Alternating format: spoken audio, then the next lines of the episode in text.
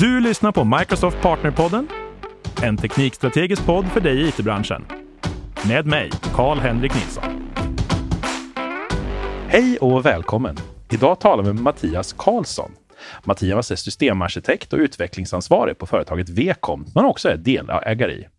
Mattias är en open source-utvecklare av flera olika open source-verktyg och ramverk.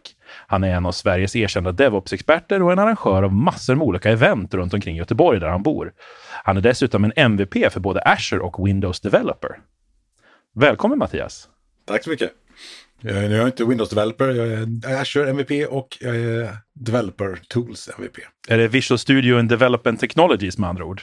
Precis, det är det som är på DevOps-sidan där egentligen som är gått in på det här spåret och bygga saker och sånt. Du får ge dig in på IoT-spåret eller någonting så kan du bli Windows Development också och bli den första med tre titlar i Sverige. Det har varit någonting. Du har ju varit här förut och pratat DevOps med oss, så jag tänkte att vi skulle ge oss in lite, lite djupare idag. Spännande. I, i DevOps-träsket. Det är många företag som tittar på det här med GitOps. Det här med att kombinera sin DevOps-del med Infrastructure as Code och, och hela det här jag tänkte att vi kunde ge, ge oss liksom lite in i det och kanske se om vi kan hjälpa till och, och guida människor lite grann i den djungeln. Det är spännande ämne tycker jag. Det är något som jag brinner för själv, så det är intressant hur man hittar rätt ja, nivå. Ska vi, kan vi börja, ska vi börja med att försöka definiera lite grann vad vi tycker att det är? För det är ju som med alla saker man har gett ett namn så finns det direkt många människor med olika åsikter om saken. Ja, och det, det kommer ju vara direkt någon hör man säger. Men, men generellt sett så är det ju att både sin konfiguration, sin infrastruktur och sin kod drivs av eh, källkodshantering kan man säga och CI-CD eller Continuous Development and Deployment kan man säga. Ja, men den definitionen gillar jag. Precis, för då får man ju med, men all, egentligen allting som krävs för att bygga din applikation, för att hosta en applikation och driva din applikation styrs av konfigurationsfiler egentligen. Hur jag hostar den och hur jag deployar den och vad är det som snurrar. Det här har man ändå försökt med ganska länge, men jag tycker ändå att det är på, först på senare år som jag börjar sett att det verkligen finns verktyg för att göra det här. Ja, och det är framförallt med cloud så har det blivit så pass mycket enklare för att där har man ju oftast utgått från ett API egentligen kan man säga att det går att driva saker med kod eller med konfigurationsfiler. Innan man var en premise så var det att ja, det var mycket PowerShell eller man fick köra någon desire state. Det blev svårt att få upp säcken eller det blev väldigt det blev en gubbe på bygget som förstod det. Men nu kommer det ju standarder runt det. Det är så mycket med bra med cloud att det finns liksom att så här gör man på Azure och det hänger ihop. Framförallt nu när man ser det kommer det här med hybrid cloud och liknande, att man kan använda samma tekniker även on-premise nu. Kommer med, eh, det blir ju också en enkelhet i det. Liksom. Jag tycker att jag hör det. Jag hör ett litet förakt för PowerShell som DevOps-verktyg här i bakgrunden. Nej, jag tycker bara att man ska använda rätt verktyg på rätt sätt. Då. Så att om, problemet är ju egentligen när du skriver eh, infrastruktur med kod bara som PowerShell så blir det ju lätt att det är svårt att få någonting som hänger ihop mellan miljöerna. Det blir lätt att det blir väldigt eh, soppa, svårt att följa.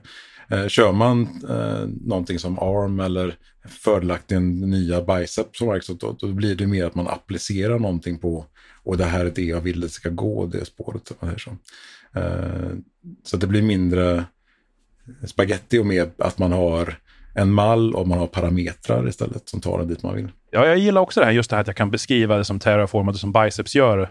Att jag kan beskriva liksom min desired state. Jag vill ha, ett v, jag vill ha en, en app-service som kör i ett V-nät med de här IP-adresserna, med de här konfigurationerna och så sätter man upp det på det sättet. Liksom. En stor fördel med, jämför med ARM som var in, liksom, det JSON-formatet som var innan, eh, som fortfarande är det som ligger bakom allting, är, är ju, och var ju, det var svårt att återanvända kod. Och där är en stor grej som kommer med på att du kan göra egentligen att så här vill jag att min Azure Function ska se ut i organisationen och så får man ett återanvändbart kodblock eh, med moduler som man gör det. Och det, det är, sån, den typen av grejer gör ju att det blir enklare att återanvända mellan eh, så man får eh, någonting som hänger ihop det blir ju ett till lager av administration och få det här att fungera i organisationen. För, ja, du vet ju själv hur det är när man skulle börja införa hur ska vi jobba med DevOps någon gång för, för massor med år sedan och alla hade olika åsikter och olika sätt att göra det på, eller hur? Det var ju så att om det inte finns några standarder så blir det att varje organisation hittar sin standard. Det kan ju bli att man får en väldigt bra lösning, men det blir också svårt att hitta nytt folk för att man får lära upp varje person på hur gör vi här? Så har man Terraform eller Polumi eller Bicep eller någonting som, en, som fler kan så är det ju, eh, det gör ju eh, implicit att det finns eh, bättre stöd för att hitta folk, men också att hitta standarder och tredjepartsverktyg och allt möjligt som stöder det här. Men om vi skulle ge oss in på ett litet försök och definiera upp en, en bra väg in i det här då. Jag känner att när jag tittar på ett projekt som kanske har en väldigt begränsad uppsättning av DevOps, eh, kanske inte ens har pipelines, liksom, utan det är, en, det, är en, det är en, en produkt som har utvecklats under lång tid och, och folk tjänar pengar på det. Men den, den kanske haltar lite DevOps-spåret om man ska försöka införa någonting nytt. Då tenderar det ju oftast att vara att man först och främst kollar på vilken branschstrategi de har. Eller vad tänk, vad, hur tänker du där? Var börjar du någonstans? Det blir lätt att man gör det för avancerat, tycker jag för vissa också. Det, det gäller att man hittar någonting som fungerar i hela organisationen. För det, många, för många så är ju där, ja, keep it simple är ju det som man ibland sett. För de flesta så behöver jag ha att jag ska tagga allting på ett visst sätt med Gitto för att alla ska hänga upp. Eller räcker det att vi har det som ska trunkbaserat som det är att vi har en main branch och vi mergar in saker löpande och kortlivade saker. Eh, där är det viktigt att man varje organisation eh, liksom eroverar behöver jag verkligen ha en avancerad release-branschstrategi? Eh, och där är ju väldigt mycket att man kör det behovsanpassat. För det, det eh, där kan ju vara just att om jag har en produkt som jag behöver supporta flera versioner bak, eh, då är det bra med en branschstrategi som stödjer det. Men däremot om jag har en mikrotjänst så är det ofta att man bara rullar framåt och då blir det mer att man ja, behöver fixa något så blir det ju en, en ny kortlivad pull request som går in i mainbar som rullar ut och så, så har man respektive miljö. Det blir lätt att man väljer, det, det kan vara just att de har en svår branschstrategi, att vi har release X, vi har det här, det här. Om man inte behöver det så, så blir det ju också att det är en kostnad varje gång man gör en förändring som man behöver ta hänsyn till. Ja, jag tycker det är ett väldigt bra sätt att tänka på det, just att det finns ju också en kostnad kopplat till väldigt avancerade branschstrategier. Eh, och jag tror också att det här inte minst onboarding-tiden för nya resurser när man tar in människor som ska arbeta med koden. Att ju enklare den är, desto lättare är det att få igång människor och börja leverera. Ja, för det, det är ju det också att varje, varje sak man skapar som inte som är liksom, eh, organisationsspecifikt, det bör man ju lära upp folk på. Och också förstå hur det funkar och så. så att det, och det kan ju också vara att man nästan ibland jobbar mot verktygen också. Så det, det är ju det som är det är väldigt enkelt om man har, jag har min main branch, jag har eh, feature-branscher för, som folk jobbar i kortlivat. Det, det kommer funka med alla verktyg oavsett om du kör eh, Azure DevOps eller GitHub eller någonting. Men har man att jag måste tagga på det här sättet eller jag måste ha eh, att man signar hit och dit, så då kan det ju vara att man jobbar mot verktygen också. Det kan också vara väldigt värdefullt om man just har det här att om jag har den här supersäkra produkten, jag måste kunna supporta version 1, 2, 3, ja då är det tryggt att ha den typen av branscher och taggar och liknande. Så man kan alltid backporta saker eller kunna gå tillbaka och sånt. Då. Men, men jag tycker man ska utvärdera om man verkligen behöver det. Vad är nästa steg då? När vi har hittat en, en bra branschstrategi som fungerar med de verktyg vi har valt, vad, vad går vi sen? Alltså, sen är ju, det viktiga är ju att man egentligen ser, ja, men hur kommer vi liksom automatiskt integrera det eh, för är det svårt att automatisera, då har man förmodligen valt fel strategi. Eh, det, det brukar vara bra sådana tumregler, liksom, att är det lätt att automatisera, då, då, har man en bra strategi, i alla fall lite grunden. Eh, och där är det ju egentligen man kan se att, ja, men, vad är, eh, hur snabbt får vi ut förändringar i verksamheten? Eh, det är liksom en bra mätpunkt. Är det så att man måste ha att någon hela tiden eh, gör manuella steg för att den här strategin ska fungera, då kanske man ska se om man kan ta in ett verktyg som gör det istället, eller att man hittar en enklare process. Det var en ganska intressant eh, mätvärde. Folk letar ju oftast efter mätvärden de kan använda för att se just om saker och ting fungerar i deras strategi. Så, så egentligen, ja, hur lång tid det tar från beställning tills att en feature finns ute i produkten. Ja, och man ser liksom vilka, vad har vi för saker som hindrar att det går ut? Det, har man saker som hänger på en viss person eller en viss grupp eller den typen av grejer? Det är också saker som skapar friktion i ens process. Då. Så där tycker jag man ska utvärdera vad, vad man använder och inte använder. Liksom. Eh, ibland kan det vara just att, ja, men varför kan det inte bara gå rakt ut till testmiljön?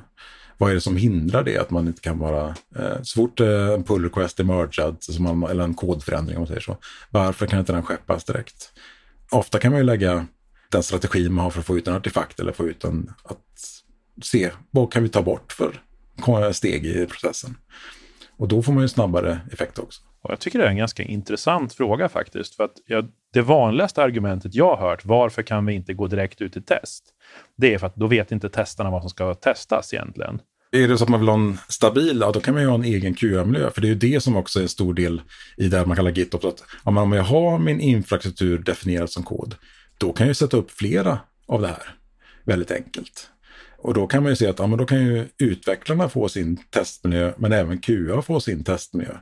Eh, och då kan man ju där säga att, att, det enda som är att man flippar en switch och går ut, men det är samma artefakt som går ut. Men det viktiga tycker jag är att man snabbt kan få feedback på om det man gör fungerar eller inte. För egentligen så är det ju ingenting som hindrar att man spinner upp en, en delmiljö eller en miljö som är stor nog för att testa den feature man har byggt.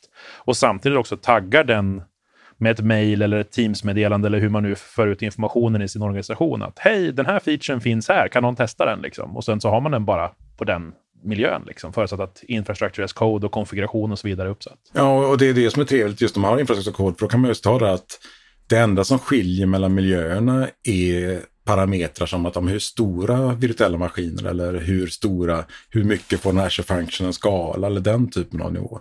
Eh, men annars är det ju samma, vilket gör att man kan ju liksom köra snabbt integrationstester och se att liksom inga fundamentala saker som att Eh, det kan vara enkla saker som att om det finns vissa namngivningsgrejer som inte fungerar i miljön. För det kan ju finnas begränsningar om det är ett storagekonto eller om det är VM och liknande. Ja, det kan man få svar på direkt. Eh, och sen lite grann också det här som jag tycker är viktigt att ibland med namngivningsstandard så kan det bästa vara att inte ha en namngivningsstandard. För då börjar man ha det så får man massa komplexa saker. Så det kan nästan vara bättre med, inte en GUID, men nästan att ja, det, det, här spelar ingen roll vad det heter för att det ska ändå bara registreras en DNS. Och det är lite det man fått med containrar och liknande. Att, ja, men vad det heter spelar ingen roll. Då tar man inga antagande utan vi ska kunna hitta tjänsten ändå och det ska bara funka.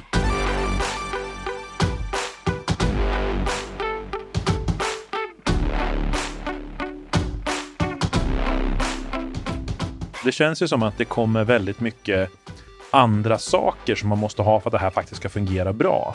För du nämnde att man måste ha tester som kan köras automatiskt och så vidare. Nu nämner du också här att vi måste ha service discovery och, och hela den grejen. Så det är mycket som ändå krävs för att det här ska fungera bekvämt. Det finns till exempel som man kollar på om man jobbar med containrar så har ju Microsoft släppt ramverket som heter Dapper som har inbyggt service discovery. Så där blir det att min container pratar bara om localhost och jag, jag pratar, hämtar en karta eller vad det nu är för API. Och det gör att jag bryr mig inte om vad de heter eller var de ligger. Jag kan deploya hundra miljöer, men de är ändå isolerade från varandra och allting. Så att ibland kan det vara just det att naming conventions är trevligt för det är konsekvent och man hittar saker. Men ibland kan det också vara bra att om jag inte behöver veta vad de heter så kommer man inte kommer man spara massa problem. Det kommer bara verktyget sköta, att den får en namngivning som fungerar och det läggs ändå på en egen prenumeration kanske. För det kan också vara bra att man har bra barriärer som man sätter liksom att ja, men det här är deployas till en egen prenumeration eller egen resursgrupp eller vad man har på de olika miljöerna. Och då, då ska man kunna deploya om och om igen utan att det påverkar någonting. Precis, och för subscriptions är ju gratis. Så jag menar, att ha lite separering där det blir svårare och svårare att ta sig till de olika typerna av data och POI-information och så vidare är ju ganska bra. Ja, och där är ju sån enkel grej som man kan se att när man deployar att man inte kör personliga konton eller access token som en del kör. Att, utan att man Kör man Azure så ska man service principles och då kollar man varje steg, till exempel att om jag har en testmiljö och en QA-miljö och en prodmiljö så skapar man serviceprinciper som bara får deploya till. Det är så lätt att man säger att jag tar på subscriptionen och så får jag deploya till allt. Eh, utan istället, ja men jag gör en service principle, den får deploya till den här resursgruppen på Azure exempelvis. Då har man sparat mycket eh, felsökning och tid där. För det blir att skulle man göra ett fel så kommer det inte kunna hända någonting. Så att om man har med sig det på varje nivå, att man bara kollar att vad är det minsta möjliga jag behöver? Ger inte för mycket access. Det ska inte vara några globala admins eller liknande på, utan man ser att det här är det som den här tjänsten behöver göra.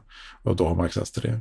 Och det är viktigt också att man även ser saker som att om man kan hitta där man använder det som finns inbyggt i tjänsterna. Till exempel att Azure är något som heter Managed Identity på många tjänster nu. Då behöver man inte ha login och lösenord, utan då blir det varje applikation får en identitet som ger en access till databaser eller storage eller liknande.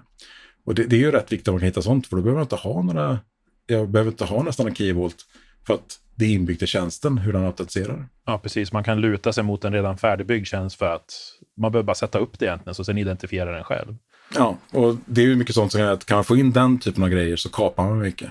Eh, liksom oro eller hantering av. Det är en klassiker när man sitter med, så fort du har lösenord eller certifikat eller liknande så det är någonting som du måste underhålla och managera. Certifikat har en viss livslängd och där kan man ju spara mycket tid med nu om man, om man kör till exempel med Bicep-template nu så finns det ju många av Azure-tjänsterna har ju inbyggt att hantera certifikat åt dig. Så där är ju molntjänsterna mycket som eh, kan underlätta att ja, men, jag vill bara ha det här domänet. Sen får Azure lösa att det finns ett äh, giltigt SSL-certifikat. Eh, sånt är ju trevligt. Men verkligen. Även om jag måste erkänna att det var en hel del strul för mig för att få till Let's Encrypt med autouppdatering och re-enroll och hela den grejen. Vart någon Azure Function här och där. Ja, men där, därför är det trevligt nu att det är inbyggt i både typ Azure Functions och Frontdoor, App Service och liknande. Att nu hanterar du kan slå på att de hanterar certifikatet åt dig. Så du säger bara liksom att bara du har rätt namn service records och det är ju ofta att varje, varje prenumeration på Azure har ett typ det här är mitt verifierings-id. Då kan du direkt i din mall säga bara att deploya en sån här tjänst och så kommer de lösa det åt dig. Så där kan man ju säga att verktyget kan underlätta för en att man faller i rätt volla eh, och minska friktion då med, med sin operations. För, för det är det ofta många, många missar också, att ja, men hur, det är en sak att jag fick ut version 1, men hur gör jag version 2 och version 3? Och då är det viktigt att man säger att det ska vara så lite friktion som möjligt mellan varje, varje steg.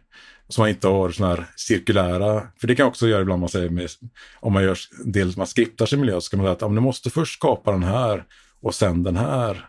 Och båda behövs samtidigt. Då blir det jobbigt. Så det är ju det som man kan eh, eh, se om man kan då få in länken. Man säger att ja, men, om den har en identitet på applikationen så behöver jag inte skapa ett konto innan jag gör det, utan det, det blir automatiskt.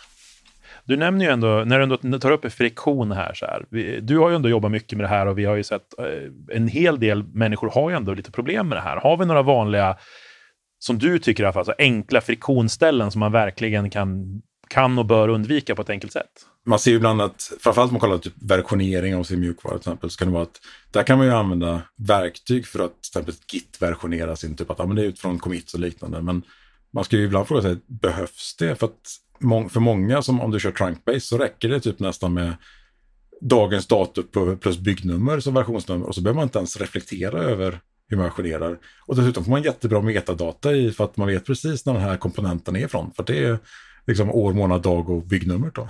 Så att ibland kan det vara enkla strategier, det kan ibland vara Eh, för det är så enkelt i sin eh, DevOps-YAML eller eh, GitHub-YAML eller liknande. Bara säga att det här är det som är byggnumret. Jag håller med dig. Jag är också lite grann inne på det här less is more. Jag tycker också en sån här grej som jag ser, det är att man försöker ta alldeles för stora steg alldeles för fort. Jag vill gärna se om... Jag tycker att man ska ta små, små, små steg till förbättring hela tiden istället för att springa på en gång. Man, man kommer inte vara den här miljön som vi pratar om nu första veckan man börjar hålla på med det här.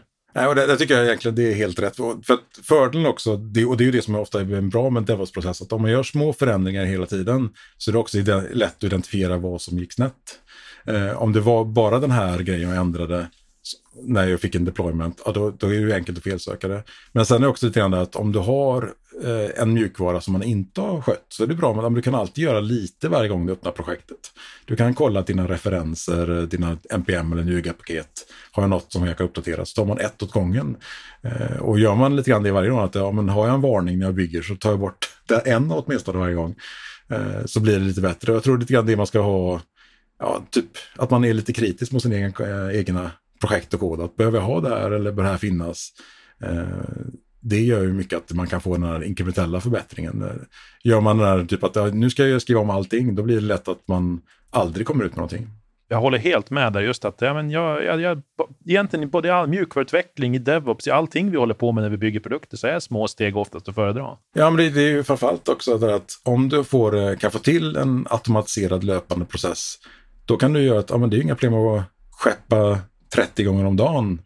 Och dessutom då man, kör man då någon bra eh, typ som eh, Azure Monitor och Application Insights eller om du har någon datadag eller någonting där du ser att om du skeppar ofta och du ser att nu börjar jag få fellagar då kan du direkt korrelera det till vilken deployment du gjorde och är det små förändringar så vet du vad det var som orsakade oftast. Eh, så det finns ju många fördelar med att ha ett löpande eh, förbättringsarbete med sina produkter och tjänster och det man gör tycker enkelhet känns som en röd tråd i hela den här konversationen vi har haft. Ja, jag tycker man ska egentligen behovsanpassa varje sak man gör så, och dessutom se hur svårt är det att automatisera det eller hur svårt är det att intressera någon som inte har suttit med det. Det är rätt bra mätverktyg för att se om någonting.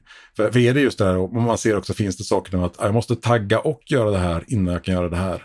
då kan det bli att det är väldigt svårt att få in det i en automatisk process. För att då blir det att ja, för att göra en release så måste jag bygga två gånger.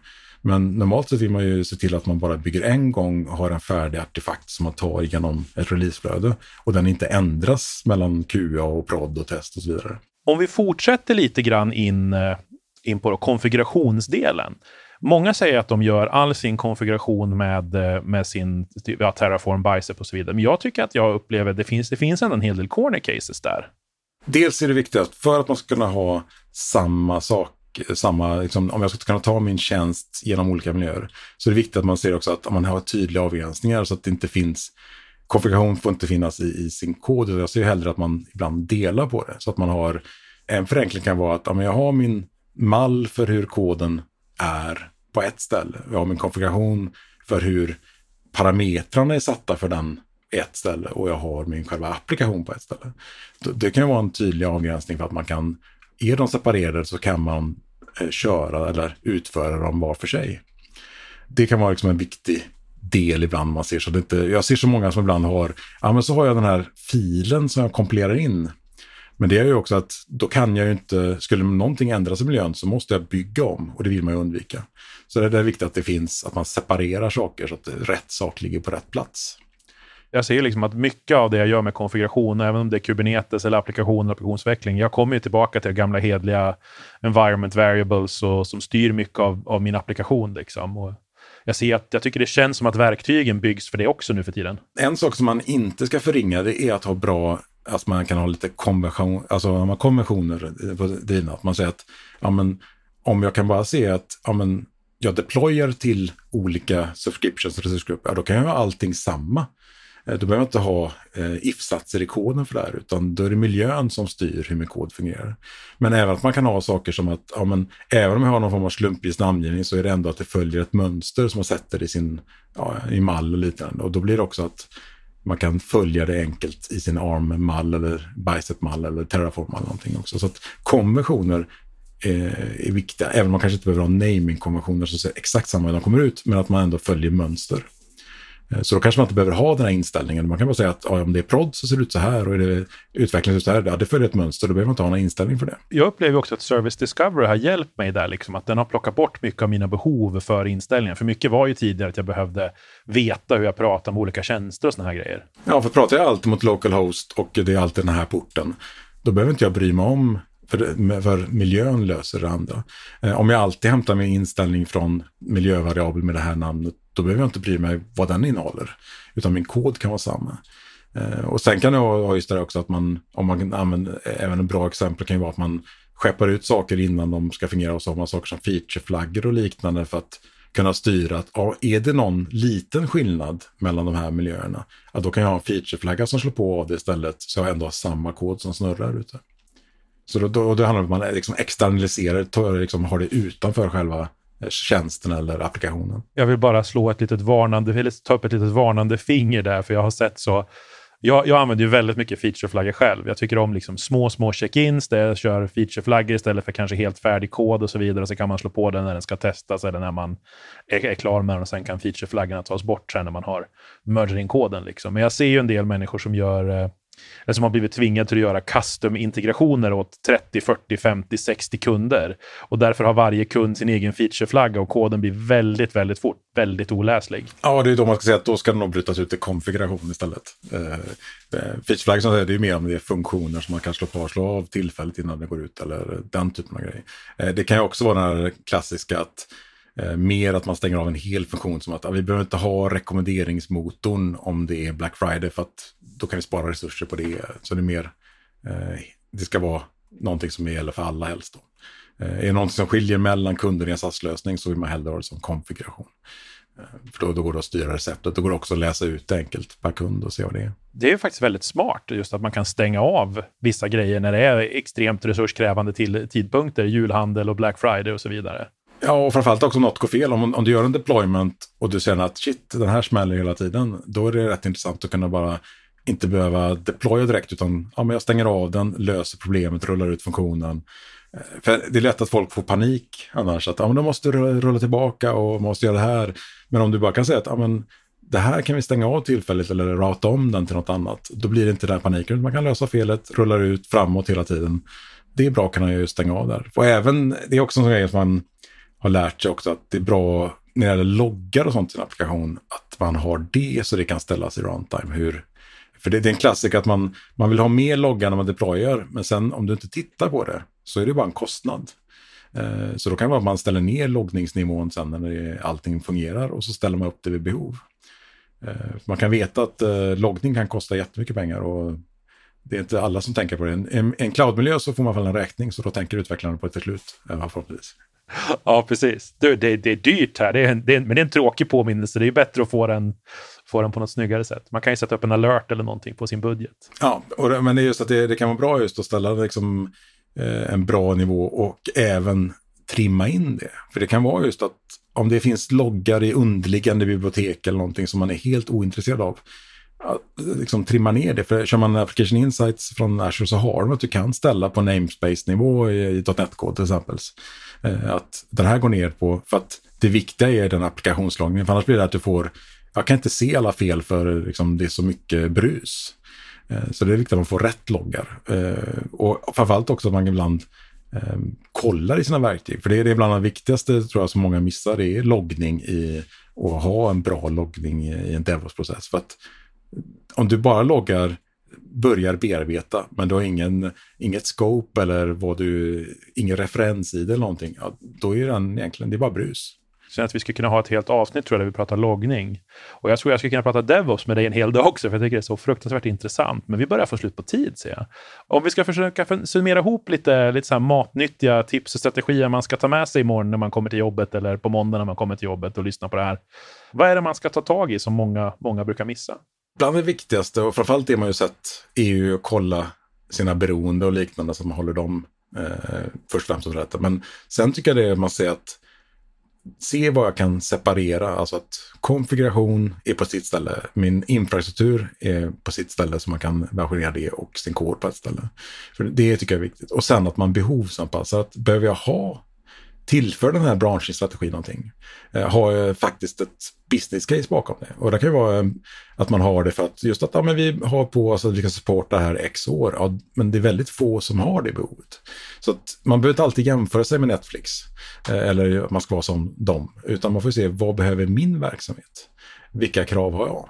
Jag gillar det. Behovsanpassa och du behöver kanske inte vara Netflix. Jag gillar de tankarna. Nej, för det, det, om du bara har ett API och du har en Azure Function, ja, då kanske det räcker med en eh, trunk-based, att jag bara, jag har pull requestar, jag merchar till main, det går ut och jag har dagens datum som version.